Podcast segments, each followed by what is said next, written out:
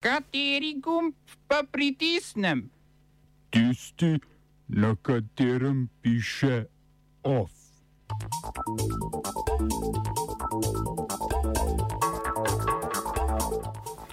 Neuspešen poskus državnega udara v Gvineji Bisao.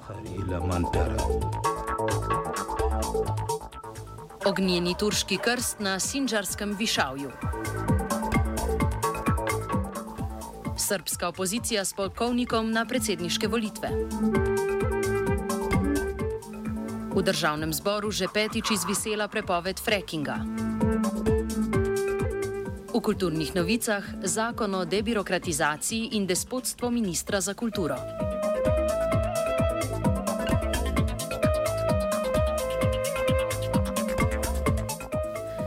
Ov pričenjamo v zahodnoafriški državi Gvineji Bisau, v kateri se je zgodil poskus državnega udara.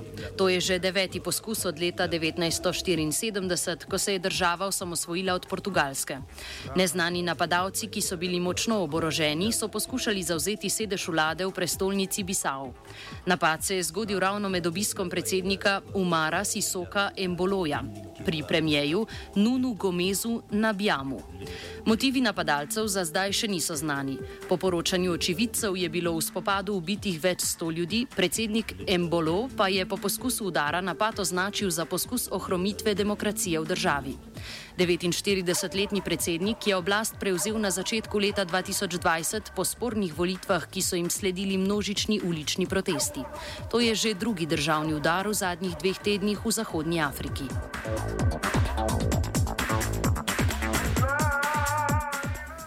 Selimo se na Bližnji vzhod, natančneje v Sinžarsko višavje v iraškem in srpskem delu Kurdistana, kjer so turška vojaška letala izvedla letalske napade proti kurdskim organizacijam v Siriji in Iraku. Glavna tarča napadov so jezidske samoobrambne milice, imenovane Sinžarske uporniške enote. Nastale so kot uporniška skupina proti islamski državi, ki je nad jezidi izvedla več množičnih pobojev.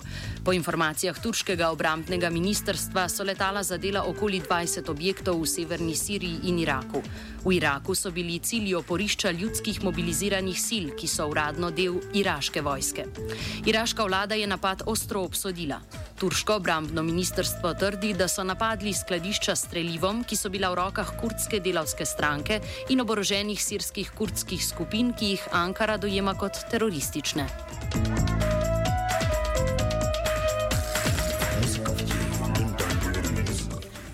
Akcija je verjetno povezana z neuspelim desantom na zapor v mestu Hasaka v Siriji, s katerim upravljajo kurdske sile. Zapor, v katerem je bilo zaprtih okoli 4000 ljudi, za katere kurdske sile trdijo, da so sodelavci islamske države, je pred desetimi dnevi napadlo okoli 100 borcev te oborožene skupine.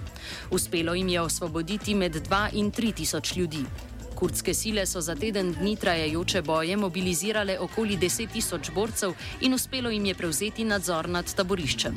V boje so se vključile tudi državne, Združene države Amerike, ki so z letalskimi napadi podprle kurdske sile. Turška vojska na drugi strani pa je z brezpilotnim letalnikom izvedla atentat na enega od kurdskih poveljnikov.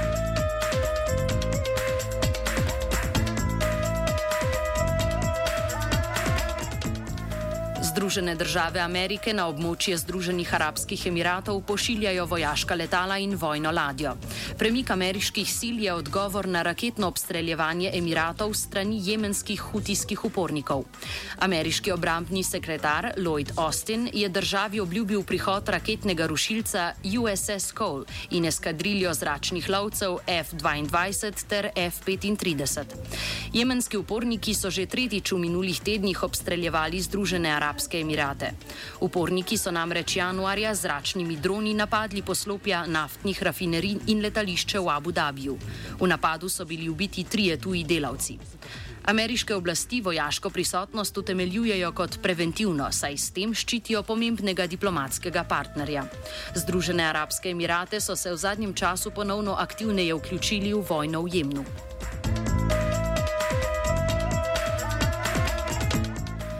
Japonska vlada je z umestitvijo rudnika na UNESCO seznam svetovne dediščine spet poglobila dolgoleten spor z Južno Korejo. V rudniku zlata na otoku Sado, ki so ga odprli v poznem 16. stoletju, je med obdobjem japonske hegemonije na korejskem polotoku med letoma 1910 in 1945 delalo več tisoč korejskih zapornikov. Po ocenah naj bi v rudniku življenje izgubilo več kot 2000 delavcev.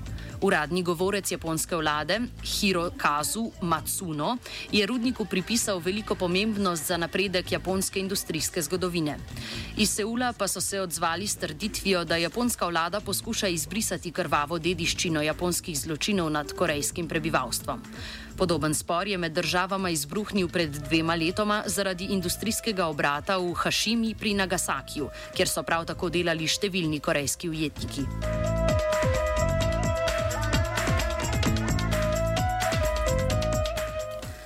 Združena srpska opozicija je za skupnega kandidata za prihajajoče aprilske predsedniške volitve imenovala nekdanjega vojaškega polkovnika Zdravka Ponošema.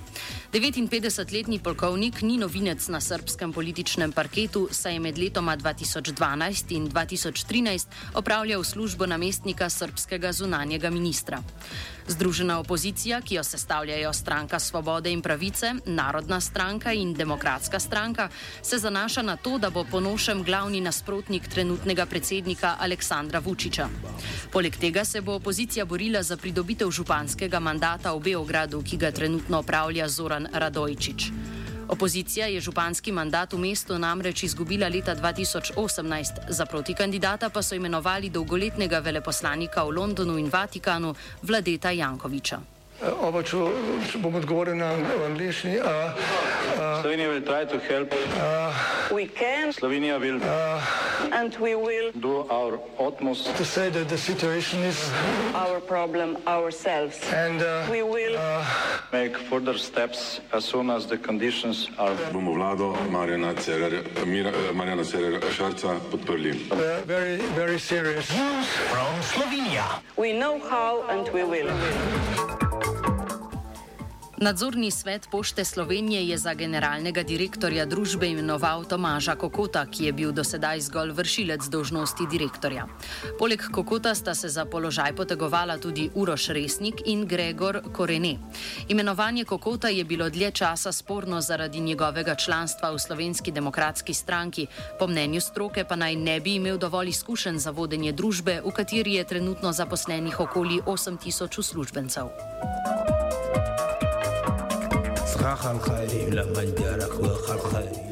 Poleg kadrovske menjave na pošti je prišlo do končne menjave tudi v upravi Elektra Ljubljana.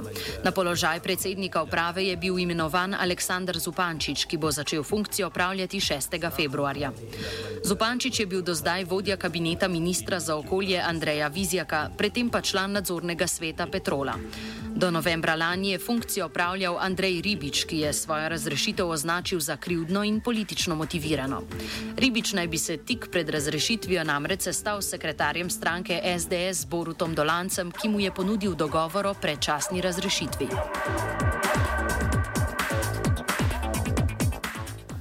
V državnem zboru je že petič izvisel predlog opozicije o ukinitvi frackinga v Petišovcih. Predlog je bil v državnem zboru obravnavan že štirikrat, vsakič pa je padel na parketu državnega zbora ali že na obravnavi odbora za infrastrukturo. Britanskemu podjetju Accent Resources, ki trenutno opravlja to dejavnost v Petišovcih, državna koncesija poteče maja letos. Opozicijski poslanci vladi očitajo zanemarjanje okoljske politike zaradi interesov britanskega kapitala. Okoljsko škodljivost frackinga, ki v Sloveniji ostaja dovoljen, pojasni poslanka levice Nataša Sukič. Gre tudi za popolno ignoranco um, potreb uh, in klica ljudi. Občina Lendova je na vse zadnje uh, apelirala na nas, da se fracking prepove. Uh, prebivalci, ki tam živijo, okoljevarstvene organizacije, vsi, ker pač vemo, da varnega frackinga ni. Uh, in um, pač sestava tav v Petišavcih je takšna kot v Groningenu na nizozemskem, tam pa vemo, da se dogajajo potresi in da je nizozemska vlada že odredila, da 200 podjetij preneha s frackingom. Eh, tako da to je na kratko, to uh, pač žalostna realnost, mi se seveda ne bomo predali.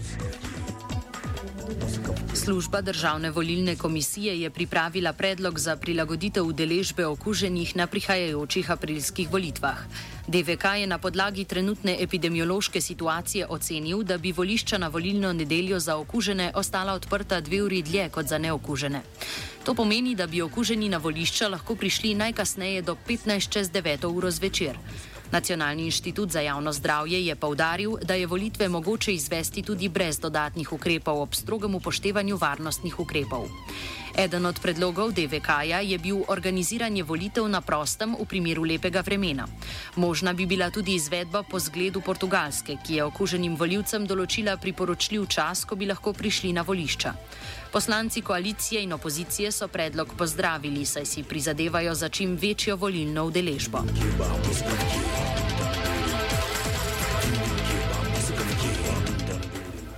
OF je pripravil Beno, mentoriral je Pohorec.